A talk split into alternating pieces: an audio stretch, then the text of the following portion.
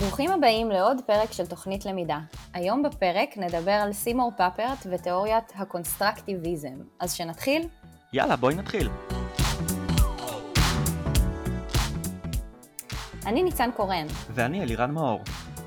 הרבה פעמים אנחנו מפתחים הדרכות שבאות לענות על צורך מאוד מסוים, כשבעצם בדיעבד אנחנו מבינים שיש הרבה מעבר לאיזשהו צורך נקודתי שאנחנו באים לפתור, והבעיה היא פער הרבה יותר מהותי שקיים בקרב הלומדים שלנו.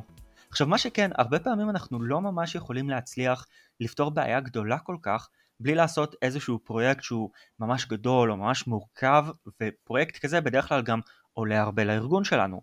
אז יש סיכוי די גדול שמנהלים או מקבלי החלטות בארגון בכלל לא יקשיבו לנו אם אנחנו הולכים לכיוון הזה.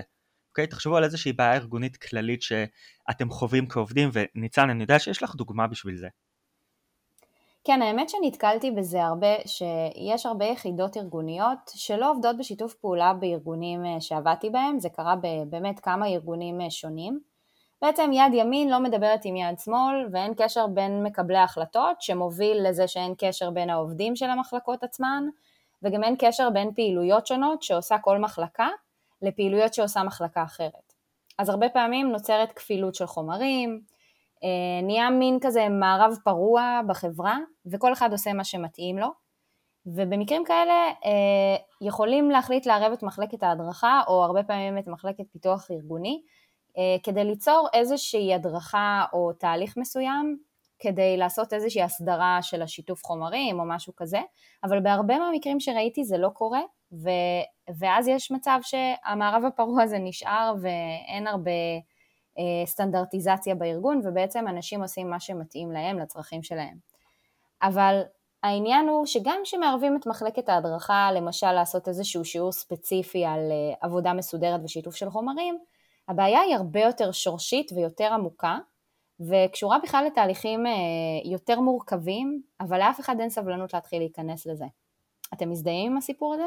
אני יודע שאני מזדהה עם הסיפור הזה, זה משהו שקורה, זה משהו שקורה בכל ארגון לדעתי, במיוחד ארגונים גדולים, במיוחד ארגונים שצומחים, אה, לא בהכרח נכנס כאן ללואו-טק הייטק, אבל אה, זה משהו אני חושב שבאמת כולנו יכולים להתחבר לזה, כי בסופו של דבר בכל פרויקט, בסיומו, במהלך פרויקט, הוא מגיע אלינו להדרכה ואנחנו צריכים להתחיל לעבד בעין את המידע הזה שקיבלנו מכל כך הרבה ארגונים, וכזה סוג של אה, אורח לרגע רואה כל פגע. אז כן. אני חושב שבאמת אנחנו קצת יותר מודעים לדברים כמו חוסר תקשורת בין מחלקות שקורות ב- ב- בארגון. כן, ודברים מהסוג הזה גם קורים המון במערכת החינוך, ואפילו ממש בתוך הכיתות. אה, עכשיו בזמן הקורונה למשל, אה, תחשבו איזה פערי ידע יהיו לחלק מהילדים, או מתחילים להיווצר להם, ומה שקורה זה שמנסים לשים פלסטרים כדי לפתור כל מיני דברים בשיטות שלא בהכרח עובדות. אז חברים, בפרק הזה אנחנו החלטנו לספר לכם על סימור פאפרט ועל הגישה שלו לחינוך ולמידה, במיוחד עם התיאוריה והתרומה העצומה שלו לחינוך, ומתוך כל זה להראות לכם גם איך סימור פאפרט הוא דוגמה מעולה למצבים כאלה, שבהם אנחנו לא מתחילים מההתחלה, אלא מתחילים באמצע, ובעצם אנחנו לא, לא כל כך רואים את, ה, את ההתקדמות כמו שהיינו רוצים. אז ניצן, מי זה בעצם סימור פאפרט? אז סימור פאפרט היה חוקר במדעי המחשב וחינוך באוניברסיטת MIT בארצות הברית.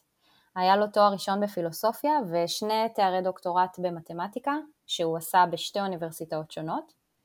אמ, אנחנו דיברנו בכמה פרקים שלנו על פיאז'ה, אז אחד האנשים שהשפיעו על פאפרט מאוד היה פיאז'ה, ואם אתם לא יודעים מי זה פיאז'ה, אה, יום יבוא וכנראה נעשה גם עליו פרק, אבל בינתיים בואו נגיד שפיאז'ה היה פסיכולוג התפתחותי שהתמקד בילדים, ונחשב לאחד החוקרים הכי חשובים בתחום החינוך. אה, למשל, לצידו יש את פבלוב עם ההתניה הקלאסית והבהביוריזם שדיברנו עליו, וסקינר וטורנדייק שדיברנו עליהם גם, אה, אז פיאז'ה ופאפרט דווקא משתייכים לזרם הקוגניטיבי. זה מגניב שאת אומרת את כל השמות האלה. התואר שלי, את יודעת, התואר שלי זה במדעי התנהגות, וגם דיברנו על לא, כאילו דיברנו על חלק גדול מהאנשים האלה במהלך התואר שלי, אפילו שעשיתי את התואר בפתוחה וזה מרגיש כמו טריליארד שנה, אה, אבל עדיין תואר כמו תואר, לא, לא לקחנו את זה למקום הפרקטי שאני אוכל ליישם את זה ביום יום בעבודה שלי. אז ניצן השאלה שלי בעצם זה מה פאפרט עשה שיכול להיות קשור לעבודה שלנו בתור אנשי הדרכה. אז אני אתן קצת רקע על העבודה שלו. אז בהקשר שוב לפיאז'ה, פאפרט ופיאז'ה עבדו ביחד באוניברסיטת ג'נבה תקופה של כמה שנים, ופאפרט מאוד מושפע מהרעיונות של פיאז'ה ופיתח תיאוריה וקרא לה קונסטרקטיביזם. לפיאז'ה יש איזושהי תיאוריה שמאוד דומה לרעיון הזה, אבל פאפרט לקח את זה קצת יותר אה, לכיוון אה, יותר ספציפי והשתמש בכל מיני רעיונות אחרים. אז כדי להבין את התיאוריה שלו וגם כדי קצת להבין מה אומרת המילה המפוצצת הזאת שאין לה ממש אה, תרגום לעברית, אנחנו צריכים להסתכל על, על הבסיס של התיאוריה וזה שידע נבנה כמו בלוקים אחד על השני. בעצם אנחנו משתמשים במידע קיים ומוסיפים לו עוד מידע חדש, וככה יוצרים בלוקים של ידע שמניחים אחד על השני כמו איזשהו בניין. זה תהליך שבעצם אה, במהלכו מתגבשת אצלנו הבנה של איך כל מיני תופעות מתקיימות או איך דברים עובדים, וזה מאוד הגיוני אם תחשבו על זה, כי אנחנו לומדים בשלבים ומשתמשים במשהו שאנחנו כבר יודעים כדי להשלים כל מיני פערים קט, קטנים כאלה שיש לנו. למשל, אם אני לא יודעת להסביר לעצמי איזושהי תופעה, אני אנסה לשאול משהו מחיים, מחוויות אחרות שיש לי כדי להבין את התופעה הזאת. אז לפני שאנחנו לומדים לכתוב למשל, אנחנו חייבים ללמוד לדבר, ולפני שאנחנו לומדים לדבר אנחנו שומעים הרבה מילים ומבנים לעצמנו ידע חדש אה, מכל מיני חוויות שאנחנו חלק מהן. דוגמה מעולה, אגב, מה שאמרת עכשיו כדי להסביר את ה... סליחה, כדי להסביר את התיאוריה של אה, פאפרט, אהבתי. Mm-hmm. אגב, מה שיפה בפאפרט זה שהוא היה כל כך נאמן לתיאוריה של עצמו, שהוא הבנה בלוקים של רעיונות ומידע מהרבה חוקרים אחרים כדי לבנות את מה שהוא האמין שצריכה להיות למידה. למשל, למידה מבוססת פרויקטים הוא לא רעיון שלו, אלא רעיון של חוקר בשם דיואי, שהוא חוקר נוסף שהגה בעצם את הלמידה מבוססת חקר ולמידה מבוססת פרויקטים, אבל פאפרט הרחיב את זה לכיוונים נוספים. פאפרט בעצם עשה שימוש בטכנולוגיות והוא היה בעידן אחר לגמרי מבחינת הרעיונות של החוקרים האלה והמימוש שלהם בכל מיני אמצעים שהם אמצעים אה, דיגיטליים ואמצעים ממוחשבים.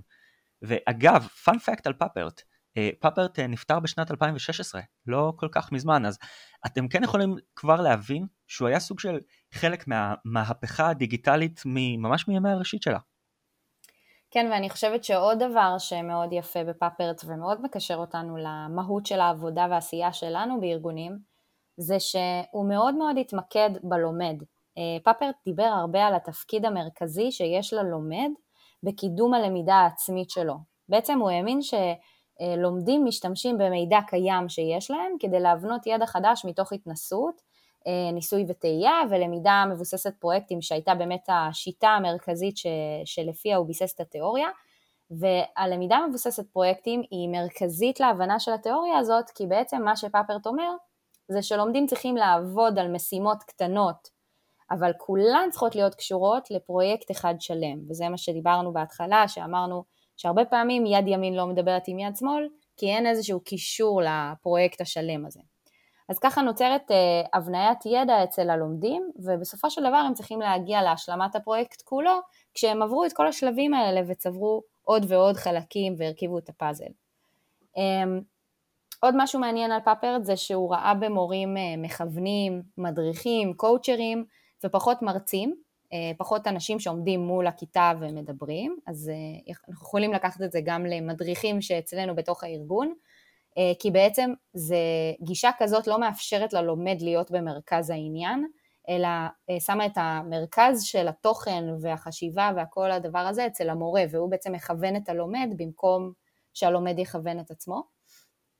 אה, בנוסף, פאפרט פיתח שפת תכנות לילדים שנקראת לוגו, אני די בטוחה שהרבה אנשים שמעו על זה, הוא פיתח את השפה הזאת במעבדה שבה הוא עבד ב-MIT, מעבדה שהפכה עם השנים להיות uh, מה שהיא היום, uh, אה, MIT Media Lab, nice. uh, וזה בעצם מעבדה מאוד מפורסמת, uh, אני חושבת שהרבה אנשים מכירים ויודעים uh, מה, מה יוצא מהמעבדה הזאת, ועד היום באמת המון חוקרים בתחומי uh, מדעי המחשב וחינוך משתמשים ב, בשפת התכנות לוגו, uh, בשביל לעשות כל מיני אינטראקציות עם ילדים על uh, תכנות וללמד אותם קוד. בוא'נה, זה מגניב ממש. כן. אני לא ידעתי את זה באמת. כן, זה ממש מגניב. כל, ה, כל הגישה של פאפרט התפתחה במקביל לגישות אחרות מובילות לחינוך, והוא בעצם אמר שהילד מתכנת את המחשב, ולא המחשב מתכנת את הילד. וחוקרים אחרים שהיו בזמן, אה, שהיו בזמן של פאפרט וחקרו גם את הנושא הזה של טכנולוגיות למידה, היו פחות מהפכניים בשיטות שלהם והם הסתמכו יותר על טכנולוגיות למידה שמסייעות ללומד, אבל לא באמת מציבות אותו במרכז הבמה, כמו מה שפאפרט כל כך חשב שחשוב לעשות. אה, ובעצם מערכת החינוך בסופו של דבר צמחה לכיוונים אה, שונים, והתיאוריה של פאפרט היא נשארה במחקר ובעבודה מאומצת של המון חוקרים שמאמינים בדרך שלו, אבל עולם החינוך נשאר אה, בגישות דווקא שמכניסות טכנולוגיות כשילוב או, או משהו שהוא כלי עזר, ופחות לשים אותם במרכז, ה, במרכז העבודה של הילד ולתת לו בעצם להתנסות לבד. כן, ובנימה קצת אישית על זה, חבל שזה קורה, את יודעת, סוג של ביקורת שאנחנו יכולים לעשות ב... במסגרת הגבולות שלנו בפודקאסט, אה, כי אני חושב שזה יכול לתרום בצורה מטורפת. אה, אנחנו רואים את הפער הזה בטכנולוגיה, במיוחד עכשיו בתקופה של הקורונה, שעם כל הפאקים ועם כל הבעיות שקורות עם למידה בזום ולמידה מרחוק וכל הדברים האלה, כאילו תדמייני מה היה קורה אם היה לנו את האימוץ המוקדם הזה של הטכנולוגיות ולא היינו מקבלים את זה רק עכשיו מתוך הכרח. כן, וגם uh, באמת התפיסה של פאפרט באופן כללי, uh, זה משהו שיש הרבה חוקרים שמדברים על זה היום, שחבל שמערכת החינוך לא הלכה לכיוון הזה, mm-hmm.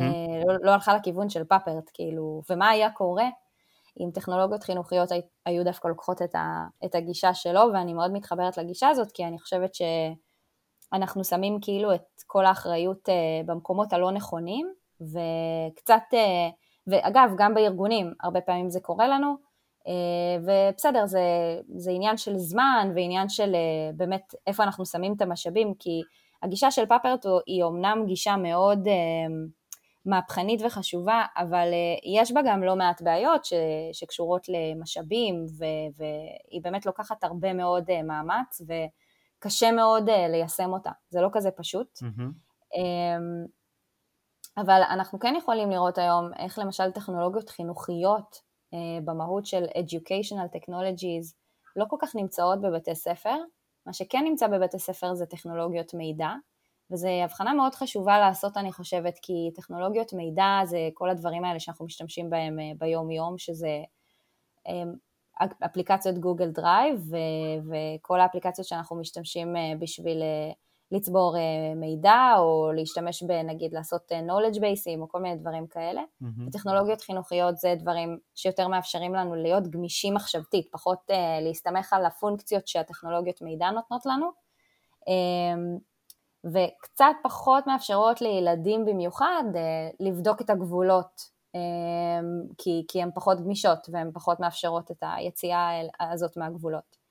ופאפרט האמין שלא צריך להתוות איזושהי דרך מסוימת לילד, אה, אלא שהוא מסוגל לחשוב אה, בזכות עצמו ולהתעסק בגילוי ובדיקה של גבולות כדי למצוא פתרון לכל מיני בעיות. והנושא הזה של בעיות הוא גם כן מרכזי מאוד, כי נותנים לילד בעצם להתעסק בכל מיני דברים ולחשוב על איך הוא היה רוצה לפתור את זה, ו- וככה באמת ילדים מגיעים לפתרונות מדהימים ו- ומוצאים כל מיני דברים שלא חשבנו עליהם. מגניב. אמ, כן, אז חוקרים אחרים באמת חשבו על דרכים לשלב טכנולוגיות אה, מידע בבתי ספר, כל החוקרים שהיו בזמן של פאפרט ובסופו של דבר הרעיונות והתיאוריות שלהם דווקא נכנסו למערכות החינוך, ש, שהן כבר סוג של טכנולוגיות שמאוד מתכנתות את המסלול שלנו ואין לנו הרבה יכולות לשלוט אה, באיך שהן עובדות ואנחנו בעצם מונעים ממסלול שהוא קצת ידוע מראש. זהו, אז מתוך כל זה אנחנו באמת מתחילים להבין איפה אפשר לקחת את פאפרט למקום היותר יישומי.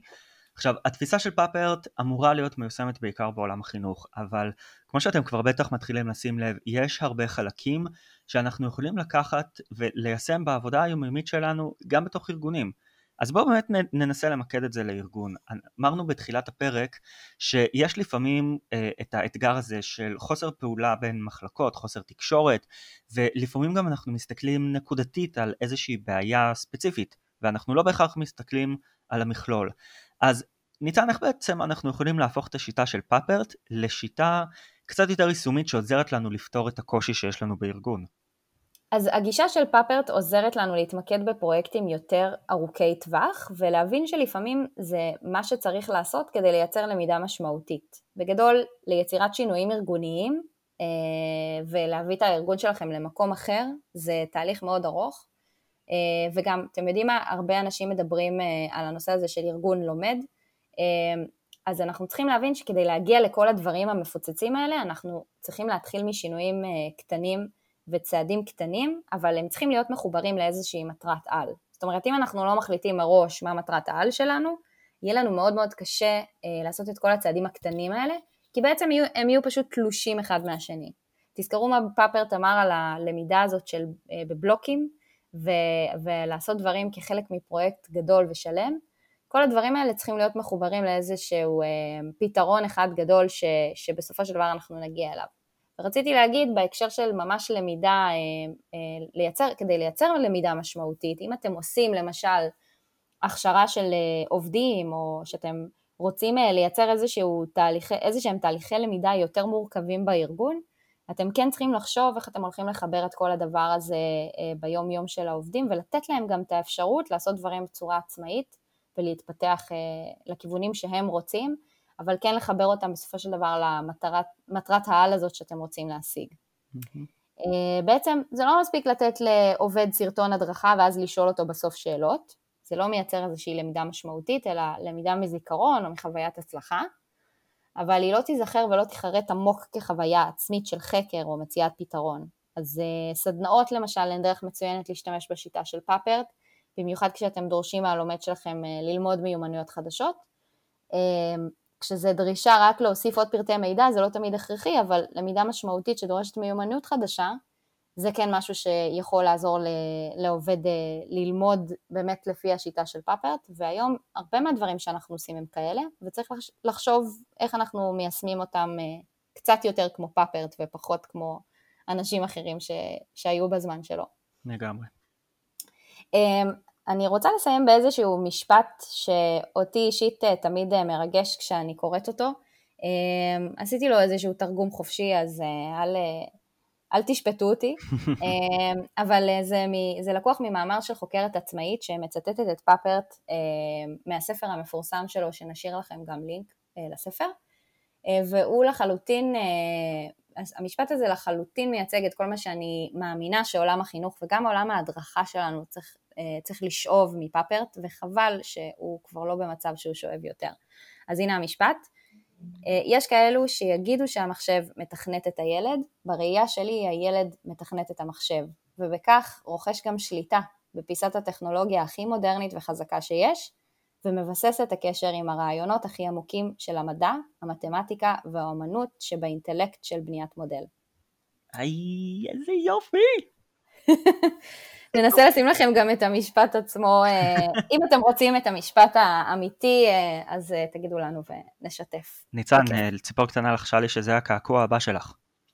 וואי, לגמרי. על, אני על הרגל. חסידת פאפרט לגמרי, כן. לגמרי, לגמרי, מהמם. אוקיי, אז uh, מכאן אני חושב שכבר אפשר לעבור לחומר טוב, נכון? יאללה, חומר טוב. יאללה, חומר טוב.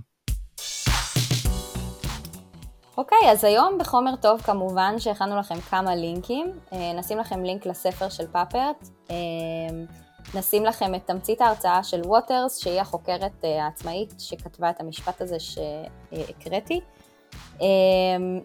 והיא גם בלוגרית בתחום החינוך, אז אם בא לכם לקרוא את מה שהיא כותבת, היא כותבת דברים ממש מעניינים והיא קצת פורצת דרך לעומת כל מיני חוקרים אחרים. וכמובן יש לנו גם לינקים לוויקיפדיה ישנה וטובה על אה, תיאוריית הקונסטרקטיביזם, על פאפרט, על פיאז'ה וגם על הלמידה המבוססת פרויקטים של דיואי.